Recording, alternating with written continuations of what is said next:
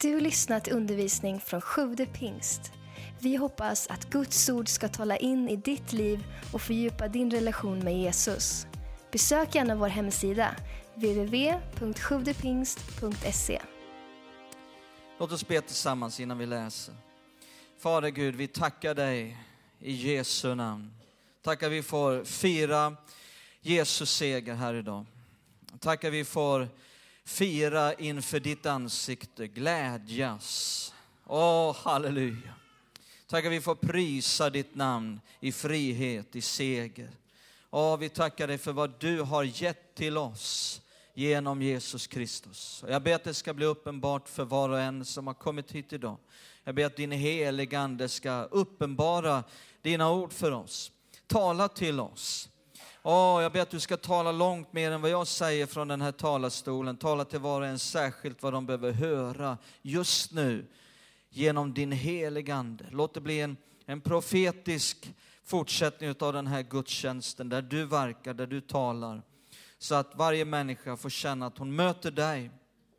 Vi har inte kommit hit för att möta någon, i första hand någon människa, söka någon människa. Vi har kommit hit idag för att, för att vara inför dig, möta dig, höra från dig, se dig, tacka dig. Amen. Kolosserbrevet 2.15 så står det, han, Jesus, har klätt av välderna och makterna och förevisat dem offentligt när han på korset triumferade över dem. Åh, vilken underbar vers. Eh, har ni tänkt på vad mycket utav våra liv som kretsar kring att vinna, segra, lyckas? Ja, det börjar ju redan när man föds. Jag har ju varit med vid fem förlossningar nu och ja, om man inte räknar med min egen förstås, det var jag också med om. Och mycket, liksom direkt så ska man det lyckas med att man ska amma rätt och det, barnet ska lyckas. Liksom, liksom ända hela livet sen handlar om vinna, lyckas, eh, bli framgångsrik. Eh, människor i världen spenderar ju miljarder varje år för att hitta vägar att eh, bli mer segerrik, bli mer framgångsrik. Eh, att få vinna seger i affärer, lyckas med karriären, eh, segra i en viss situation, eh, lyckas med någonting man har företagit sig, eh, bli framgångsrik i det man drömmer om. Eh, speciellt till exempel när det blir dags för fotbolls-VM eller OS. Jag menar, då är det hundra miljontals människor som är upptagna, helt upptagna med att bevaka en sak. Vem ska vinna? Eller hur? Uh, vem ska ta guld? Vem ska segra? Och möjligtvis också, vem ska förlora? För det är ju så i OS att uh, de flesta är förlorare. Du vet det här med bronsmedalj och silvermedalj, det är ju ofta bara tröstpris för de som var nära att vinna. Ingen kommer att komma ihåg dem. Man brukar säga att den som kom tvåa, det var den första förloraren. Ehm, så min första rubrik här är att, att vinna eller försvinna. Och inte bara i OS är det där hundra miljontals människor är upptagna med det här omkring vinst eller förlust. Det kan till exempel vara i Europa, att det handlar om EM i fotboll. I Sydamerika, Copa America. I Nordamerika tidigare i år så var det ju Super Bowl. Hur många vet vad Super Bowl är? De flesta utav, ja. Eh, det är ju, det är ju liksom grand finale utav de, de två bästa lagen i amerikansk fotboll. Jag har alltid undrat varför de kallar det för fotboll för. Liksom till och med reglerna säger att du får inte springa omkring och sparka på den där bollen. Man ska springa och bära på bollen. Eh, eh, bara ibland som de sparkar till. Jag, jag har liksom aldrig fattat varför de kallar det för fotboll för. Men hur som helst så stannar hela USA upp fullständigt omkring den här grejen. Eh, och här är lite fakta, det är inte färska fakta, men det är från Super Bowl 2003, så det är antagligen värre nu. Här är lite fakta från Super Bowl 2003. Ehm, det vinnande laget erhåller Vince Lombardi-trofén. Denna buckla kostade då runt 100 000 kronor att tillverka.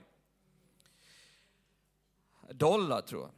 Varje spelare i det vinnande laget erhåller en ring som kostar 50 000 kronor styck. Varje spelare i det förlorade laget får en ring som enbart kostar 30 000 styck. Uh, varje spelare i det vinnande laget får cirka 500 000 kronor för besväret, medan varje spelare i det förlorande laget enbart får 300 000 kronor. När Super Bowl hölls i staten Georgia var den ekonomiska pluseffekten upp emot 3 miljarder kronor. Näst efter Thanksgiving så är det den dagen det konsumeras mest mat i USA. Vi talar om Super Bowl. Televisionens historiefakta över de tio program med flest antal tittare någonsin visar att nio av de tio är Super Bowl-sändningar. Olika medicinpreparat för magproblem ökar med 20 procent dagen efter Super Bowl. 6 procent av alla arbetande sjukskriver sig dagen efter Super Bowl. På hela året finns ingen helg då så lite folk gifter sig. Försäljningen utav storbilds-tv ökar fem gånger veckan fram till Super Bowl. Allt detta omkring dramatiken om vem ska segra. Men här idag vill jag tala om en seger som vida överträffar alla andra segrar. Som får alla andra segrar att förblekna och inte vara någonting. Som får segern i Super Bowl att förminskas ner på samma nivå som när Kalle vann över Pelle i kula på skolgården. Det är en seger som handlar om en eh, sak där motståndet var döden. Det som skulle besegras var hela mänsklighetens synd. Det är en seger som vi firar här idag. Det är en seger som handlar om när Jesus Kristus, Guds son, sopade mattan med varenda demon i helvetet. När kungars kung vann en total, fullständig, förkrossande, jordskredsseger över djävul, synd och död. Halleluja!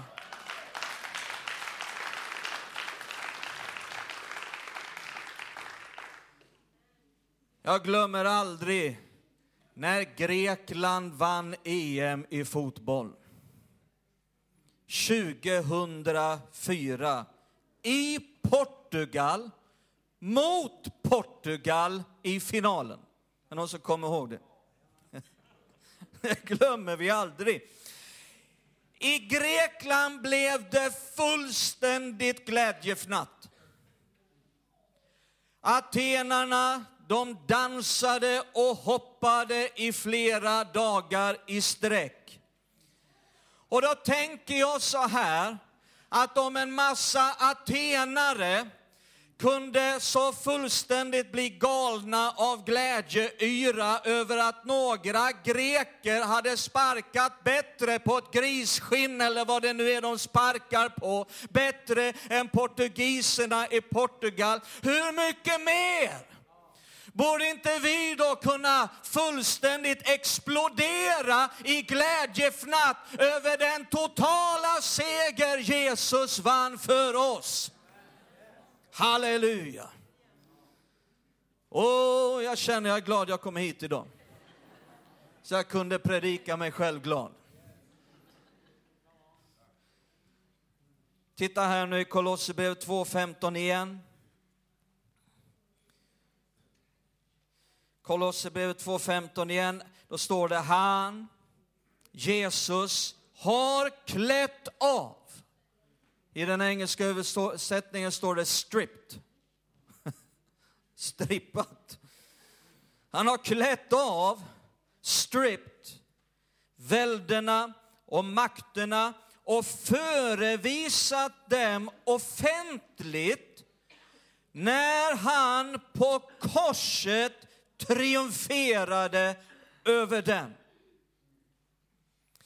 Paulus här, han tar en ganska drastisk bild från när en kejsare på den här tiden hade vunnit seger eh, i strid mot en fientlig furste.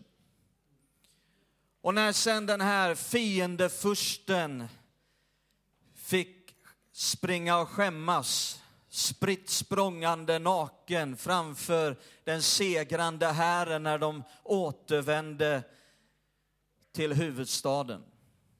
Det var så man, man gjorde ofta på den här tiden. Alltså segern som Jesus vann över djävul, synd och döden var så total så att den var rent förnedrande för ondskans andemakter. Det är det Paulus slår fast här.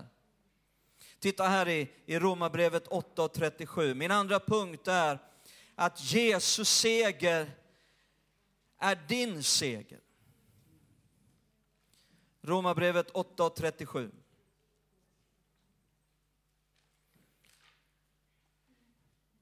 I allt detta vinner vi en överväldigande seger genom honom, Jesus, som har älskat oss.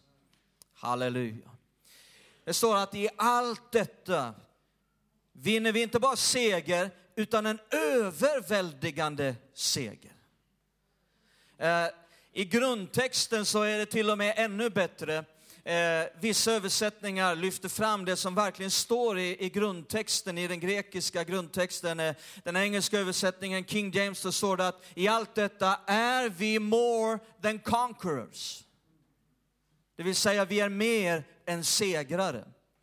I Helge Åkessons översättning, den mest grundtexttrogna vi har, ord för ord, där står det i allt detta, mer än segrar vi.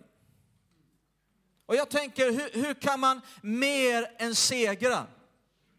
Alltså om man vinner guld, om man kommer etta, hur, då är man ju segrar. Hur kan man mer än segra? Hur kan man vara mer än en segrare? Är det någon som vill veta? Ja, bra. Då ska jag tala om det. Föreställ dig att det är, det är VM-final i tungviktsboxning. Och här eh, är de två kombatanterna uppe i ringen. Jag har alltid undrat varför det heter ring. Den är ju, det är ju en fyrkant de är i. Men de är väl så snurriga i skallen så det går bara runt. Och så är första ronden igång. Eh, och redan i första ronden får den ena på en smäll på den andra, liksom så ögonbrynet spricker upp. Eh, och blodet börjar strömma ner och, och i andra ronden liksom då, då börjar ögonen svullna upp. Han börjar få svårt att se den andra liksom. Och, och, och i, i, tredje ronden så är, börjar han bli, bli, gul och i fjärde ronden så är han blå. Och, och i femte ronden liksom då Eh, svetten rinner och saliven rinner och, och eh, näsan börjar bli plattare än normalt. Liksom. I sjunde ronden och, och i åttonde ronden då biter den ena av halva örat på den andra i nionde ronden liksom, det, de eh, rusar runt och letar efter varandra. De, de, de, de kan knappt se längre. Liksom. Och, och, och sen rätt vad det är i tolfte ronden, då får den ena på en snyting på den andra så han ligger helt utslagen, utknockad liksom. Och så, och så vinner han VM-titeln i professionell tungviktsboxning. Och inte bara det, utan han vinner de här astronomiska summorna som är inom den här sporten är något 30 miljarder dollar eller något sånt där. Vad, vad är det de brukar vinna? Jag kanske tog i lite väl mycket där. Hur mycket brukar... Två, hur mycket? 200 miljoner dollar enligt säker källa här framme. Och sen får de sy ihop honom med 40 stygn efter den här matchen. Här kommer han liksom, han ser ut som ett monster men han har ju vunnit 200 miljoner dollar. Och, och så kommer han hem. Och där står denna undersköna, vackra kvinna som han är gift med. Som har klätt upp sig, som eh, har finaste makeupen och håret i ordning liksom. Och han kommer henne. Och, och där står hon. Och så har han med sig de här 200 miljoner dollarna. Hon tar de 200 miljoner dollarna och går ut och spenderar alltihop. Hon är mer än en segrare.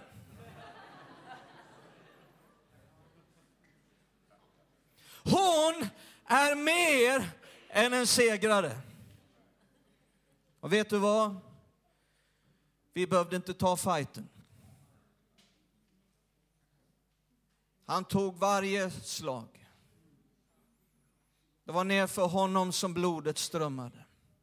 Hans kropp var fullständigt sargad sönder och samman. Hans rygg var en blodig massa där de lade den tunga tvärbjälken till korset. Han slogs, han stred, han kämpade. Och vet du vad?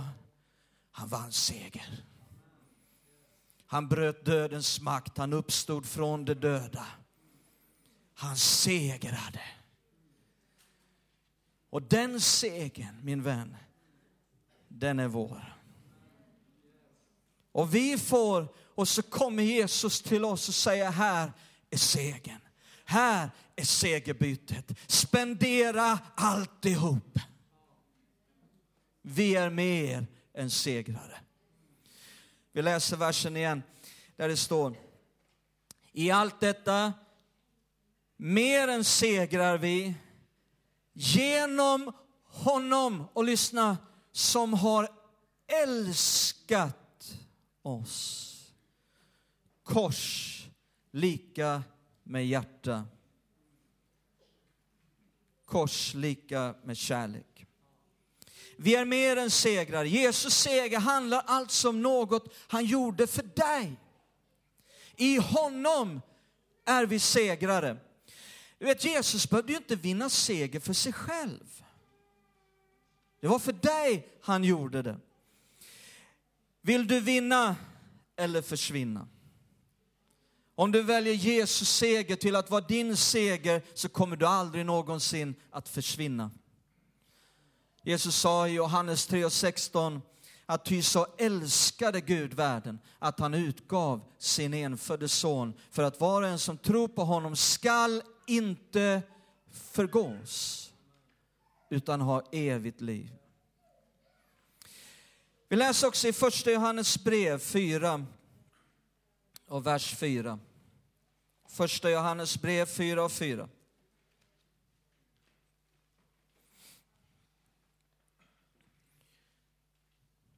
Står det, ni kära barn är från Gud och har besegrat dem.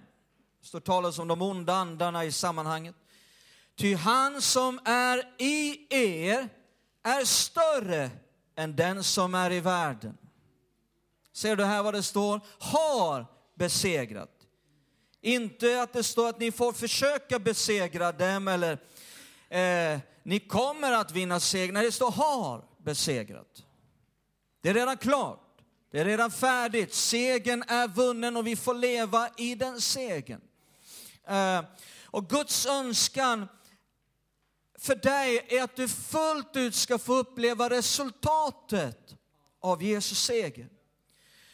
Och ett av de första stegen i detta, att få uppleva resultatet av denna seger, det är, att, det är att börja se sig själv som en segrare.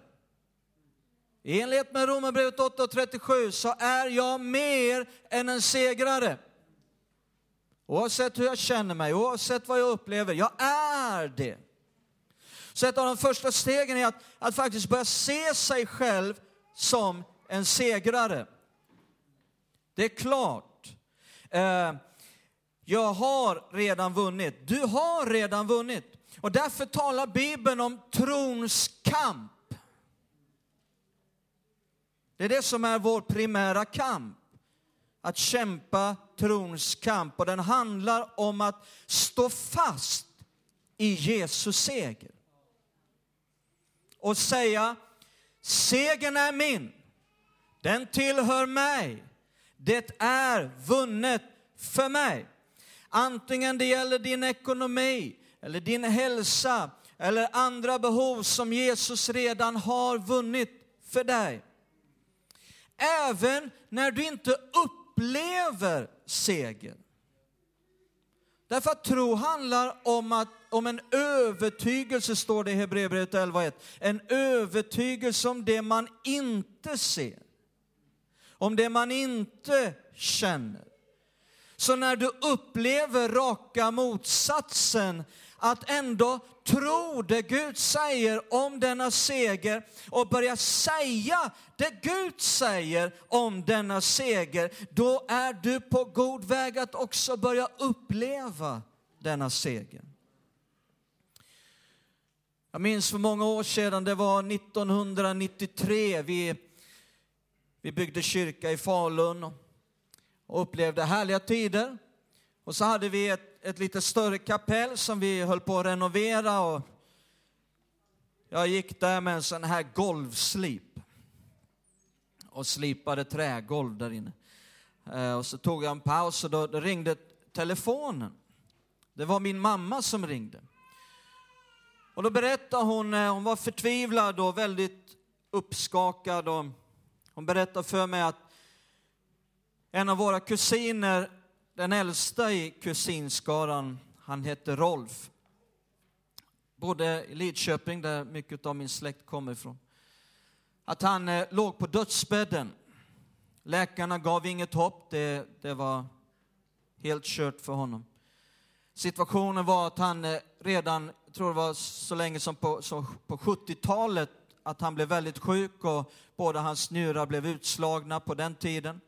Eh, och hans bror som eh, hette Roger eh, på den tiden eh, gav honom en av sina njurar. Så han hade en njure från sin bror Roger. Och nu hade den lagt av. Det var i början på 90-talet. Den funkade inte alls. 1993. Och läkarna sa det, det finns inget vi kan göra. Han var för svag för dialys. Nu är inte jag någon läkare, så om det är någon läkare så får du, kanske du kan förklara saker för mig efteråt. Men, men så här förstod jag situationen, att han, han var för svag för dialys och att eh, han svävade mellan liv och död och läkarna sa att det är dags för de närmaste nu att komma och om ni vill liksom ta ett farväl. Vi ger honom max en vecka att leva. Naglarna var tydligen gula, ögonvittorna var gula. Och, och tydligen så stank han även urin genom munnen. För att det, det funkar inte alls. Och så han eh, var knappt kontaktbar. Ibland så kunde de komma i kontakt med honom. Ibland så trodde de att han var död. Så han svävade precis mellan liv och död. Eh, och min mamma berättade det här för mig. Och när jag hade lagt på så greps jag av en, en sån här bönenöd. De tidiga pingstpionjärerna för hundra år sedan de brukar ofta tala om en sån här nöd, en vånda i bönen, en börda, en bönebörda. Det kom över mig och, och, och, och, jag visste att jag behövde också fortsätta att renovera så jag gick där och körde den här golvslipen och den dånade något fruktansvärt men jag tror jag överröstade den. För jag ropade ropade så högt utifrån den nöd, den vånda jag kände för honom. Han var inte frälst. Han kände inte Jesus. Han hade inte gett sitt liv till Jesus. Och jag bad för honom och jag, Jag ropade till Gud, jag sa hans föräldrar, de, de tillhörde dig. De har bett för honom så länge de levde. Och jag ber om en nådatid. Jag ber att han ska få många år till. Så att han kan välja Jesus som frälsare, så att han kan välja livet. Jag ber att du ska ge det till honom. Och så börjar jag ropa till Gud. Och det här pågick en, en timme kanske. Och sen upplevde jag på något vis att bördan släppte, att nöden var över. Det är svårt att förklara, men nästa dag, då ringde mamma igen när jag var där i kyrkan och höll på. Eh, och jag tänkte när jag hörde hennes röst att antingen säger hon nu att Rolf är död eller så har det skett ett under. Och då berättar hon följande. Eh, och sen träffade jag Rolf eh, en tid senare också vid full hälsa. Då berättar hon följande att plötsligt så hade det vänt fullständigt förra dagen. Och han hade kvicknat till. Njuren hade börjat fungera. Läkarna fattade ingenting. Och väldigt snabbt så var han tillbaka. Full hälsa, han levde i flera år sedan. Jag tror det var kanske tio år eller någonting som han fortsatte sen och levde vid full hälsa.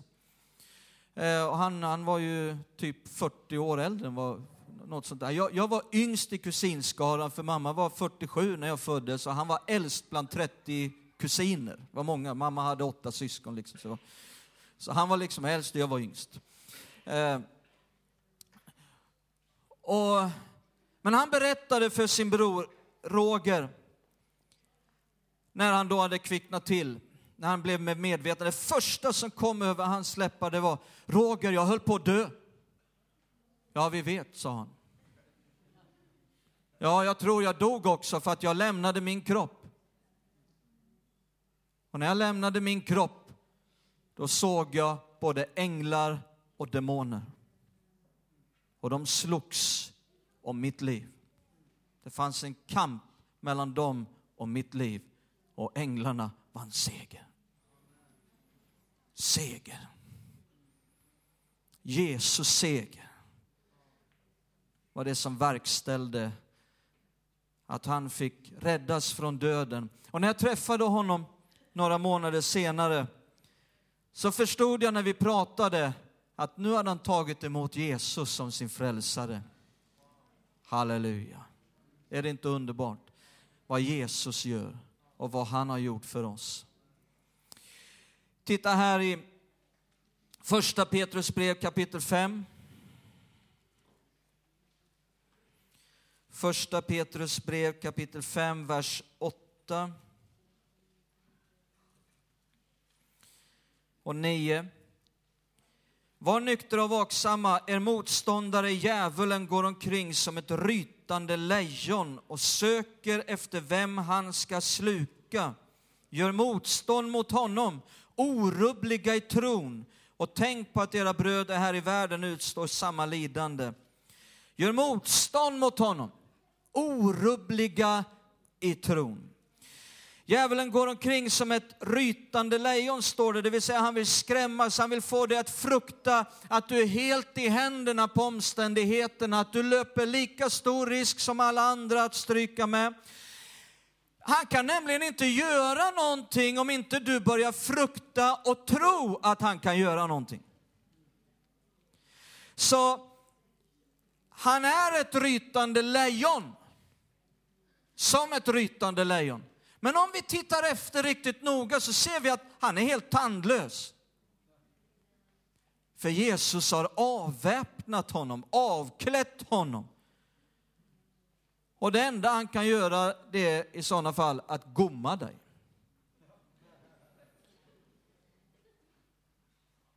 Så gå inte på den där skrämseltaktiken. Titta i Efesierbrevet 6. Min sista punkt är, låt inget stjäla din seger. Efesierbrevet 6.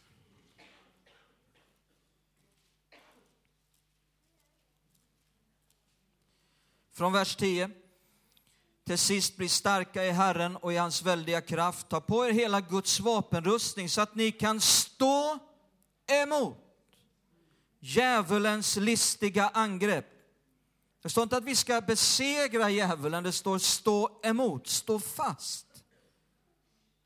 Ty vi strider inte mot kött och blod utan mot furstar och väldigheter och världshärskare här i mörkret mot ondskans andemakter i himlarna. Ta därför på er hela Guds vapenrustning så att ni kan, här kommer det igen, stå emot på den onda dagen och behålla fältet sedan ni fullgjort allt. Eh, stå alltså fasta, spänn på er och så kommer Guds vapenrustning sanningen som bälte kring era höfter, kläder i rättfärdighetens pansar och sätt som skor på era fötter den beredskap som fridens evangelium ger. Ta dessutom trons sköld, med den ska ni släcka den ondes alla brinnande pilar. Ta emot frälsningens hjälm och andens svärd som är Guds ord. Gör detta under ständig åkallan och bön och bed alltid i anden. Och så vidare. Djävulen vill att du ska börja tänka att du minsann inte har någon seger. Att du kan inte få leva i seger. Precis som när Petrus han gick på vatten, står det, fram till Jesus. han kunde gå i det övernaturliga, han kunde gå i en övernaturlig seger så länge han såg på Jesus. Så länge han hade blicken totalt fäst på Jesus. Men så fort han började se på vågorna, på mörkret, på omständigheterna, han började frukta så sjönk han. Vår strid en andlig strid, en andlig krigföring. Det handlar inte om att, att vinna seger, det handlar om att stå fast i segern. Och vi som församling, vi är inte en invaderande armé. Vi är en ockupationsarmé som ockuperar det Jesus redan har vunnit. Vi ska avsluta här i första Korinthierbrevet 15. Första Korinthierbrevet 15. Vi läser vers 1-8. Bröder, jag vill påminna er om evangeliet som jag predikade för er, som ni tog emot och står fasta i. Står fasta i, och genom vilket ni blir frälsta. Jag vill påminna er om orden som jag förkunnade. Om ni nu håller fast vid dem, annars var det förgäves att ni kom till tro. Jag meddelade er det allra viktigaste, vad jag själv hade tagit emot, att Kristus dog för våra synder enligt skrifterna, att han blev begravd och att han uppstod på tredje dagen enligt skrifterna, och att han visade sig för Kefas, Petrus och sedan för de tolv. Därefter visade han sig för mer än 500 bröder på en gång, av vilka de flesta ännu lever, medan några är insomnade. Ehm, sedan visade han sig för Jakob och därefter för alla apostlarna. Allra sist visade han sig också för mig som är, att, som är så som ett ofullgånget foster. Titta i, kapit nej, i vers 55. Vers 55. Du död, var är din seger? Du död, var är din udd? Dödens udd är synden och syndens makt kommer av lagen. Lyssna nu, men Gud vare tack som ger oss segern genom vår Herre Jesus Kristus. Seger! Kan alla säga seger? Seger! det var en pappa som var ute och körde i, i, sin bil tillsammans med sin lilla dotter. Plötsligt så kom det in ett, ett bi i den här bilen och den lilla dottern blev fullständigt hysterisk. Hon började skrika och gråta. Och Därför att hon var allergisk mot bistick. Hon hade blivit stungen någon gång tidigare och fått väldigt allergiska reaktioner. Men pappan han sträckte sig ut och så tog han tag om det här biet. Fick tag om det. Och när han öppnade sin hand, då levde biet fortfarande och flög iväg. Och dottern började skrika igen hysteriskt och, och gråta. Och, men pappan sa lugn. Du behöver, inte, du behöver inte vara rädd längre Du behöver inte gråta något mer. Ja, men varför då pappa? Biet lever fortfarande. Ja, men titta. Jag har tagit gadden. Den stack mig. Och den kan inte göra dig någon skada. Här läste vi, du död, var är din udd? Dödens udd är synden. Denna dödens udd, synden, var tvungen att stinga. Och på korset, där blev Jesus stungen med all världens synd och därmed all världens död. Om du gör den segern till din seger så kommer du aldrig att bli stungen utav dödens udd. Jesus sa den som tror på mig ska leva om han än dör. Tack för att du lyssnat. Glöm inte att du alltid är välkommen till vår kyrka. Du hittar mer info på www.sjuvdepingst.se